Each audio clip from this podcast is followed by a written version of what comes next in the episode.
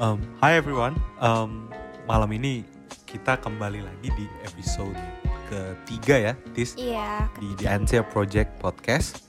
Seperti biasanya kita juga selalu berupaya untuk menghadirkan narasumber atau mungkin teman-teman dari project lain yang punya visi dan memang punya tujuan project yang menarik juga ya, Tis ya. iya bener banget dong. Kali ini kita eh, kedatangan bintang tamu dari eh, perkenalkan diri deh eh, narasumbernya boleh diperkenalkan diri. Um, halo semua, um, Halo Kak.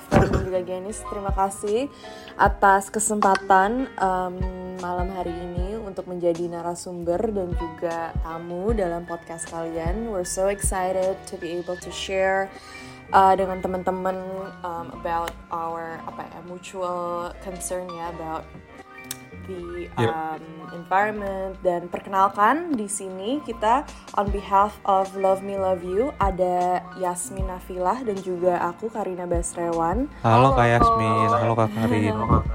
Jadi Ya, jadi ha- hari ini bakal kita berdua yang cecat sama teman-teman. Nah, jadi sebenarnya mungkin tadi Kak Karin juga udah sempet singgung kan. Mm-mm. Love Me Love You and The Ansia Project sebenarnya punya um, satu kesamaan tujuan atau mu- mutual interest Yap. ke environment dan pemberdayaan lingkungan.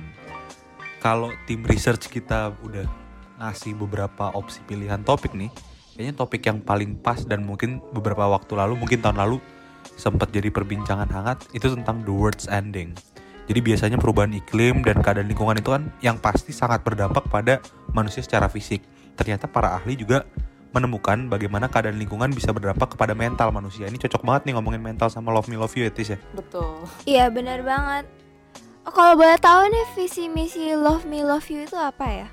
Um, jadi kita adalah komunitas yang um, mempunyai visi dan impian untuk bisa um, menyemangati, to empower and inspire people untuk bisa mencintai diri mereka lebih lagi dari dalam dan luar agar mereka bisa uh, mempunyai impian and dreams that are big dan gak hanya itu tapi juga put them into reality to make them come true and do great things.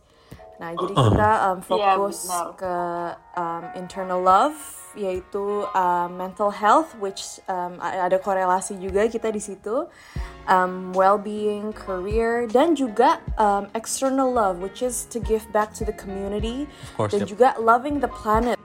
Pas banget nih makanya buat um, topik kita malam ini.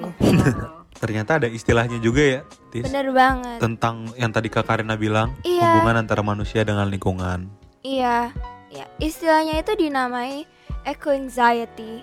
Maksudnya itu adalah rasa takut akan kerusakan lingkungan dan bencana alam. Rasa takut ini itu sebagian besar disebabkan oleh perubahan iklim yang kadang-kadang disebabkan oleh manusia sendiri. Serta prediksi-prediksi di masa depan, kayak angka-angka statistik atau kayak bencana-bencana alam yang sedang terjadi yang bisa akhirnya mengaccumulate rasa takut itu. By the way, Kak Karina sama Kak Yasmin, mungkin Kak Karina dulu deh eh, pertama yang jawab. Pernah gak sih contohnya nih, kita lagi apa ya? Kalau aku kalau aku- kalau aku pribadi ya, mungkin em, ada bencana mungkin landslide atau mungkin Ya. volcano gitu ya. Mm. Terus kita jadi ikutan, know, mungkin kok bencananya di daerah yang sebenarnya jauh dari kita, tapi kita juga ikutan was-was, Iya, ikutan parno, if you know what I mean gitu kan, Iya. kayak loh kok ini ikutan takut sama kondisi lingkungan juga ya, Ya. padahal bisa jadi jauh gitu. Pernah ngalamin eco anxiety ini nggak? Kalau dari Kak Karin? Pernah banget. Jadi kan um, walaupun kita mungkin nggak uh, apa ya mengalami secara langsung gitu, we didn't experience it first langsung. Tapi ya, walaupun kita tidak terdampak langsung, um, tapi our our sense of empathy pasti kuat banget dengan orang-orang yang mengalami Yes, seperti betul. itu. Gimana sih um, rasanya? Walaupun kita we cannot put into words karena kita nggak pernah ngalamin secara langsung, tapi kita bisa lihat Mhm. pastinya dari apalagi sekarang social media nggak hanya dari TV kan sekarang juga bisa dilihat dari social media opini Iya, orang iya. seperti apa dan kita dengar langsung dari orang-orang yang mengalami hal itu first hand jadi kita juga bisa walaupun nggak pernah ngerasain tuh kita bisa baca dari pengalaman mereka dari cerita mereka bahwa oh ternyata Hmm. yang dialami tuh seperti ini. Dan karena itu dan juga dari foto-foto yang atau video yang kita lihat dari media kita juga bisa merasakan um, apa ya kesengsaraan yang mereka rasain kok bisa begini sih? Gitu. Itu eng- Kalau eco anxiety gimana, buat aku Pernah Oh, ada ini nggak pengalaman yang benar-benar dirasain gitu? mungkin, mungkin karena uh, paling uh, dulu pernah ada uh, keluarga aku waktu itu lagi di Mhm. Aceh yang waktu itu tsunami Ah, Mungkin tsunami karena, ya. Iya mungkin karena uh, dengar mereka struggling juga gitu kan juga jadi mikirin oh ntar mereka tidur di mana atau makan di Iya. mana kan pasti kita juga Kenanya ke jiwa simpatis kita ya kak ya. benar apalagi juga bukan hanya itu doang tapi maksudnya kan juga kita mikir ini orang-orang mau kayak gimana mulai dari nol lagi Yes. gitu kan pasti kan Betul, empati betul. kita ada dong dan mungkin uh, ada pasti sebagai manusia pasti kita juga punya feelings yang kayak aduh Iya. um, gimana ya kalau kita di posisi itu how would it feel for us gitu Yes. kayak Betul. uh, kita mau bantuan apa atau kan men- mentalnya juga kena mungkin makanya um, eco anxiety juga bukan hanya uh, dampak sama orang yang experience tapi orang-orang yang actually juga uh, dengar atau Mm, mendengar kabar yang kayak Kak- Mm. uh, tadi Karina bilang kayak kita juga jadi ikutan sympathy atau empatik dengan uh, masalah itu gitu. Hmm, apalagi betul. Yasmin sama aku tuh kebetulan Pisces jadi kita benar-benar Hmm. terasa Jadi Eh, Ah, extra empathy iya. Ah, tapi by the way kalau ngomongin eco anxiety ya mungkin Mm. yang paling apa ya bisa aku bilang kayak supaya kita bisa punya boundaries adalah eco anxiety kan sebenarnya dimiliki setiap orang seperti rasa simpati, rasa empati. Tapi banyak orang-orang yang ternyata ngelihat perubahan lingkungan itu sebagai sesuatu yang buruk. I- uh, memang terkadang memang buruk sih, tapi banyak juga yang ngelihat sebagai ini tanda-tanda kiamat. Padahal belum tentu. Orang-orang tuh kadang merasa nggak aman atau malah nggak nyaman di lingkungannya. Udah berpikir ke mana-mana tuh berpikir buruk tentang generasi di masa depan, terus cemas, terus bingung tentang skenario global. Padahal sebenarnya eco anxiety ini nggak melulu tentang berpikir ke mana-mana. Ini bisa jadi cuma untuk merangsang perasaan simpati kita, empati kita, gitu ya Tis ya. Iya benar banget. Kalau kita lihat lagi nih ya tentang eco anxiety ya, apa sih kayak tanda-tanda kalau kita ngerasain eco anxiety atau gimana sih kayak cara taunya kalau kita ternyata tuh lagi lagi cemas, lagi takut tentang eh, lingkungan-lingkungan di sekitar kita. Mungkin ke Kak Karina dulu nih. Iya, mungkin Iya. bisa dilihat dari depression uh, dan juga trauma. Mungkin trauma lebih ke kalau kita uh, udah pernah melihat um, saudara atau keluarga gitu kita kali ya. uh, Iya, yang pernah iya. ngerasain itu kayak tadi Yasmin bilang kan dia waktu itu keluarganya pernah ada di Aceh. Jadi mungkin itu kan um, lebih dekat ya ke kita daripada kalau kita Betul. hanya melihat second hand experience dari media ataupun um, TV. Tapi menurut aku, walaupun kita second hand experience dari media itu juga bisa um, membuat kita shock, yang akhirnya jadi mikir ke mana-mana, yang akhirnya juga jadi gelisah dan tidak tenang karena kita mikirin um, gimana sih yang tadi balik itu gimana sih kalau kita ada di posisi orang itu. Nah, jadi kadang-kadang kita juga kalau misalnya udah mau apa udah ngomongin soal bencana alam or anything that has to do with the environment, natural disaster itu kan udah uh, di luar dari kendali kita. It's out of our control. And sometimes when when we feel like we don't have control over something itu membuat kita lebih anxious lagi. Jadi menurut aku kadang-kadang Iya um, benar banget. Iya kan feeling yang seperti helpless dan juga ketakutan itu pasti ada saat mengalami hal-hal yang seperti ini. Kalau dari Kak Yasmin sendiri pernah nggak sih Kak kayak ada perasaan bersalah gitu karena merasa nggak bisa melakukan apa-apa ke lingkungan? Mungkin kalau dari suatu bencana gitu ya. mungkin banyak ya mungkin Yes. dengan kejadian pasti kan kita juga tahu sekarang lagi pandemik nih gitu kan terus juga sebagai um, environment kita juga mungkin dalam kondisi yang tidak terlalu baik gitu ya mungkin itu juga di, Salah satu membuat bentuk eco anxiety. iya ya. bentuk iya membuat kita jadi worry membuat kita Betul. jadi ngerasa tidak nyaman gitu dan kadang-kadang mungkin karena uh, for example kita jadi pikir kayak aduh kok gimana ya kalau misalnya kita ada di tsunami Aceh itu kita jadi Iya. depresi sendiri kayak mikirin Betul, oh gimana tuh rasanya kehilangan keluarga ini keluarga itu keluarga ini kan Exactly. pasti kita ngerasa kayak sedih gitu dan mungkin di situ mulai memikir kayak oh ini mungkin salah kita gitu. Jadi nge, jadi feel apa ya helpless dan nyalain diri sendiri kayak oh mungkin ini karena kita apa sih udah mau kiamat nih atau kayak aduh ini mungkin karena uh, ini bencana ini terjadi karena mungkin kita terlalu care dengan environment kita gitu. Jadi goes back uh, the symptoms pasti banyak banget sih buat yang kita rasain gitu. Dan hampir semuanya yang udah di cover sama Kak Karina sih menurut aku gitu.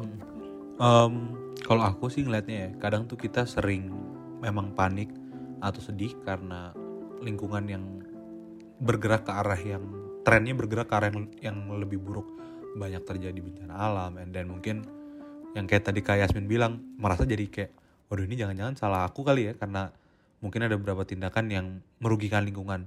Tapi kalau kita geser ke makhluk hidup lain selain manusia alias satwa, um, Kak Karina mungkin punya pengalaman gak kak sama satwa liar atau mungkin satwa yang dijaga gitu? Kalau kan kita sering lihat di Instagram atau di sosial media lainnya kayak wah badak bercula satu jumlahnya semakin menipis. Um, menurut aku secara pribadi ya kita kan kadang apalagi um, kalau belum pernah punya pengalaman uh, to deal with that personally first hand kadang-kadang juga mikir kan karena kalau misalnya um, orang kan kita itu lebih diekspos ya. Kita lebih um, melihat itu di social media di TV di news apa pun itu. Tapi kalau misalnya hewan-hewan seperti itu kan nggak terlalu diekspos ya menurut aku. Kalau dibandingin exposure-nya dengan uh, manusia gitu yang kena um, apa namanya bencana mungkin nggak se seimbang gitu. Dan menurut aku um, harus mempunyai exposure yang lebih lagi sih. Karena at the same time they're just as important gitu pasti mereka juga terdampak banget dengan bencana-bencana yang terjadi dan Betul. it's part of our, yeah. uh, our ecosystem kan yang membuat dunia kita komplit tuh nggak hanya juga manusia tapi juga binatang jadi menurut yes. aku sih um, at this point belum ada point di mana kayak mereka tuh mendapatkan enough exposure dan menurut aku harus agar awarenessnya terus di um, spread agar banyak orang juga lebih aware dan lebih tahu dan yang paling penting ngerti untuk melakukan apa untuk bisa menyelamatkan mereka. Kalau dari Kayasmin sendiri, kalau tadi kan kita ngomongin um, lingkungan secara eksternal ya, secara apa yang terjadi di lingkungan etis ya. Iya. Tapi kan ternyata lingkungan gak cuma soal soal itu doang. Kita juga di Antea sering ngebahas tentang mungkin banjir, apalagi Jakarta kan udah apa ya udah ya. goes as sinonim lah ya dengan kota banjir gitu kan. Jadi kita sering banget mungkin di beberapa tahun belakangan ini kalau hujan intensitas hujannya tinggi kita nggak banjir, banjir gitu dan ya. uh, uh, kadang juga karena cuacanya pancaroba malah kemarau kemarau panjang. Kan kan Indonesia basically cuma punya dua musim tuh. Tapi kalau dari kak kak Yasmin dulu deh pernah nggak mungkin ngalamin cuaca ekstrim terus jadinya berdampak kepada mentalnya juga. Jadi sebenarnya wah cuaca di luar hujan mulu jadinya jadi gloomy and feeling blue inside gitu. galau. Gitu. sering gak sih? Sering, sering sering kali ya. Mungkin karena faktor lagi faktor karena kita Pisces ya kan yeah. jadi kita berdua mungkin terlalu into our emotion jadi kalau lagi kayak hujan rasanya ke bawah banget. pengen males gitu uh -uh, pengen di rumah doang, pengen just like curl up in bed, exactly, yeah. dengerin musik, apa dengerin musik aja gitu, nggak pengen ngapa-ngapain tapi uh, mungkin dampak yang lebih ekstrimnya dalam posisi yang lebih ekstrimnya itu mungkin kayak waktu itu aku pernah di Australia terus um, waktu itu cuacanya tuh hampir 42 derajat sampai 43 yeah. derajat which is panas mm. banget gitu yeah. yang bikin kita untuk kayak beraktivitas aja tuh udah sempoyongan gitu-gitu jadi mungkin um, itu efek juga jadi kayak kita aduh males deh keluar karena um, takutnya ntar sakit ntar ini jadi tapi lama-lama jadi limit ourselves to not beraktivitas dengan biasanya gitu mungkin karena cuaca yang lebih ekstrim gitu ya. Hmm. cuman untuk di Jakarta kayaknya belum ada cuaca yang terlalu ekstrim mungkin karena banjir udah terlalu biasa ya. Yeah, kan we face that every day gitu. Jadi of course kayak mungkin kita ada uh, uh, stresnya karena aduh gimana nih? Ntar kayak mobil kita bisa jalan gak karena ada banjir gitu. Mungkin ada intinya tapi uh, overall sih menurut aku one of the stress in Jakarta sih emang sudah kayaknya orang-orangnya udah pada ngerti lah ya kalau banjir itu adalah suatu masalah yang besar di situ ya. Iya. Uh, tapi by the way aku relate banget sih sama kata Kak Yasmin tis karena kan one of my own actually tinggal di Seattle. Terus kebetulan waktu itu pernah dua tahun lalu atau tahun lalu em, di sana winter terus em, lumayan snowstorm ya lumayan mm, apa nggak bisa bermobilisasi jadi kendaraan juga stuck di rumah nggak bisa keluar terus yang dia lakuin ya callingan sama keluarga alias nyokap dan aku di Jakarta terus bener-bener ngeluh cerita-cerita sedih jadi kayak unmotivated banget karena mungkin ya, dingin. suasana. ah, udah gitu ditambah kalau cuaca dingin gitu kan jadi kita males gerak udah males gerak jadinya feeling blue and then mellow melankolis jadinya wah ternyata bener juga ya cuaca bisa berdampak sebegitu Banget. terhadap personality seseorang padahal mungkin kalau summer dia happy ya memang berdampak banget ternyata baru aku sadar juga sih setelah baca research nih Iya, aku juga pernah Iya, baca kan? artikel di mana em, dibilang bahwa em, lebih banyak orang itu there apa orang lebih friendly di kalau di Australia di Adelaide dan di Ah. Perth karena mereka mendapatkan more sunshine dibanding Ah, Melbourne dan Sydney yang Melbourne. mungkin weathernya lebih apa ya bipolar gitu sering hujan sering gloomy akhirnya juga itu ngefek dengan mood orang saat berinteraksi dengan orang lain so that's also something very interesting ya jadi gimana Setuju weather banget. Tuh itu uh-uh. very interesting sih. weather itu ada impact Setuju banget banget. dengan mental health by the way mungkin ini nyimpang sedikit kali ya Hmm. Em, ini aku agak nyimpang sedikit tapi kan aku basically juga sering jadi author atau penulis untuk di beberapa jurnal musik di media musik. Jadi music journalist juga. Em, kayaknya nih ya ini menurut analisis aku aja kayak beberapa festival musik juga menerapkan em, apa namanya penerapan cuaca terhadap mood juga. Jadi kayak mungkin kalau ambil contoh banyak banget kan summer festival yang all around the world banyak banget summer festival. Itu vibesnya suasananya yang di yang digambarkan itu happy and then danceable pokoknya hal-hal yang berbau apa namanya kesenangan iya tapi ada juga mungkin di Jepang kayak yang kayak Fuji Rock Festival itu line up-nya juga musik-musik yang lumayan mellow, lumayan apa ya, lumayan nad- apa band-band bertempo rendah. Jadi kayak ternyata pengaruh musim terhadap mental seorang, cuaca deh, pengaruh cuaca terhadap mental kita itu is more than that gitu loh. Iya. Gak cuma sekedar bikin kita sedih, bikin kita senang, tapi bisa mengatur mood kita selama satu minggu. Mungkin kalau lagi musim hujan satu minggu kita sedih terus bawaannya. bener. Banget ya kan? Bener. Setuju. Bener banget sih. Menurut aku juga kayak gitu. Apalagi kalau misalnya kayak hujan terus terus kayak ada banyak angin ada banyak itu. Tapi kadang-kadang juga nih aku em, juga kadang-kadang suka nonton film kan em, tentang kayak tsunami tentang banjir tentang kayak hujan gede. Kadang-kadang itu juga bisa bikin aku takut gitu sendiri kayak waduh ini gimana kalau terjadi sama aku? Atau eh, gimana kalau ini terjadi sama eh, keluarga aku sendiri? gitu. Itu kan em, jadinya aku tuh kadang-kadang bingung gitu cara kayak mengatasinya mungkin eh, pendengar-pendengar semuanya yang lagi dengerin juga penasaran gimana sih caranya supaya kita eh, kurangin rasa takut kita gitu rasa cemas kita boleh dijawab mungkin sama Kak Hmm. Yasmin Uh, mungkin salah satu yang aku biasa lakuin dan mencoba untuk melakukan karena mungkin ini adalah hal-hal yang aku juga belum terlalu terbiasa tapi Yeah. banyak uh, yang aku search tuh itu kayak journaling tuh bantu banget untuk um, Ah iya. Nggak identitas kayak apa sih uh, causing yang stres ini gitu dan bisa Ah. jadi tahu gimana cara nge-solve problemnya dibandingin kayak kita stresin aja tapi nggak ada solusinya Iya. gitu tapi dengan Hmm, journaling mungkin semua sih. catat dengan kita jelas kayak oh ini tuh caranya untuk nge, nge apa nge, ngebenerin ini loh kalau kita stres jangan ini adalah solusinya loh jadi mungkin kadang-kadang dengan journaling itu it helps to, um, untuk kita lebih apa ya lebih uh, apa maju ke depannya gitu dibandingin cuman hanya stresin aja gitu apalagi mungkin salah satunya lagi meditasi ya meditasi itu Oh iya banget. um, Ah.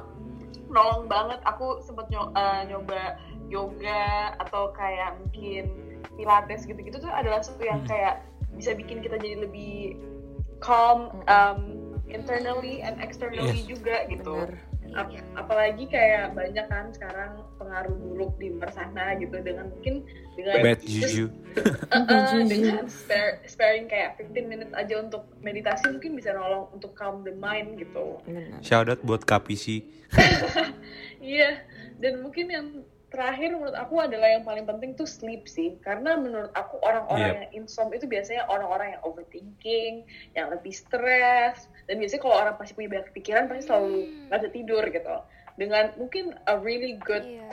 um, sleep gitu itu bisa nge-efek mood kamu besokannya gitu. Dan efek anxiety atau stress level kita turun besokan gitu dengan a good night sleep. Tapi banyak orang yang lagi stres tuh susah banget tidur gitu jadi mungkin um, stop playing with your phone before you sleep gitu Hmm, karena iya. biasanya blue blue light filter on the laptop tuh kayak uh, apa uh, apa uh, light yang dalam laptop sama uh, handphone gadget kita tuh ngaruh banget untuk bikin kita jadi susah tidur gitu jadi mungkin use blue light filter di laptopnya atau di HP-nya jadi supaya bisa tidur deh gitu Mm-mm.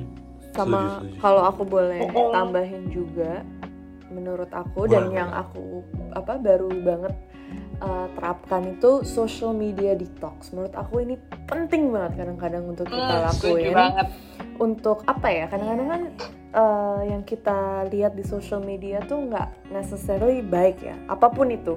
Mau itu tentang uh, berita ya kan? Yang yang mungkin um, soal bencana alam aja yang seharusnya put a light on things malah make things worse dan yang ada membuat kita ngerasa lebih anxious lagi.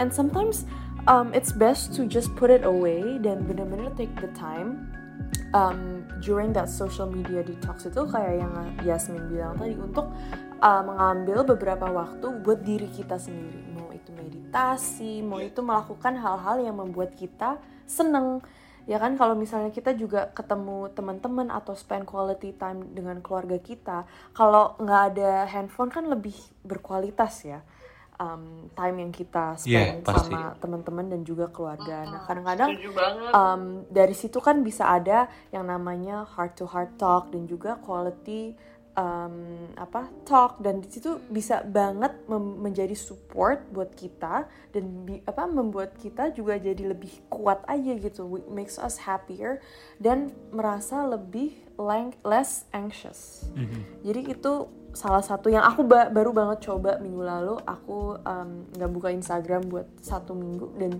aku melakukan hal-hal yang membuat aku um, tenang gitu. Baca buku terus um, aku masih ketemu teman-teman aku bersosialisasi tapi um, nggak usah I didn't feel the need untuk harus posting nggak ada kayak apa ya Aha. um, tuntutan Yes. gitu istilahnya dan akhirnya ngerasa jauh lebih tenang dan setuju banget akhirnya pas balik ya kan pas balik um, online tuh jadi kita uh, pikiran kita lebih clear dan juga lebih tenang so I think that's that's really important Of course, siap bener setuju banget kak. Yeah, I agree, Carl. Like, aku sempat kayak stop media, um, uh, like social media all all together. Kayak aku delete app-nya. Karena kan kadang-kadang tanpa kita sadarin kita udah actually langsung press Buka, Instagram aja uh-uh. gitu tanpa. Iya iya Ya. benar lagi nunggu benar banget. lagi Iya kan? bosen nih Jadi ah, ada apa usaha, uh, uh, aku ber- berusaha ber- delete Instagramnya dan aku di akun account aku.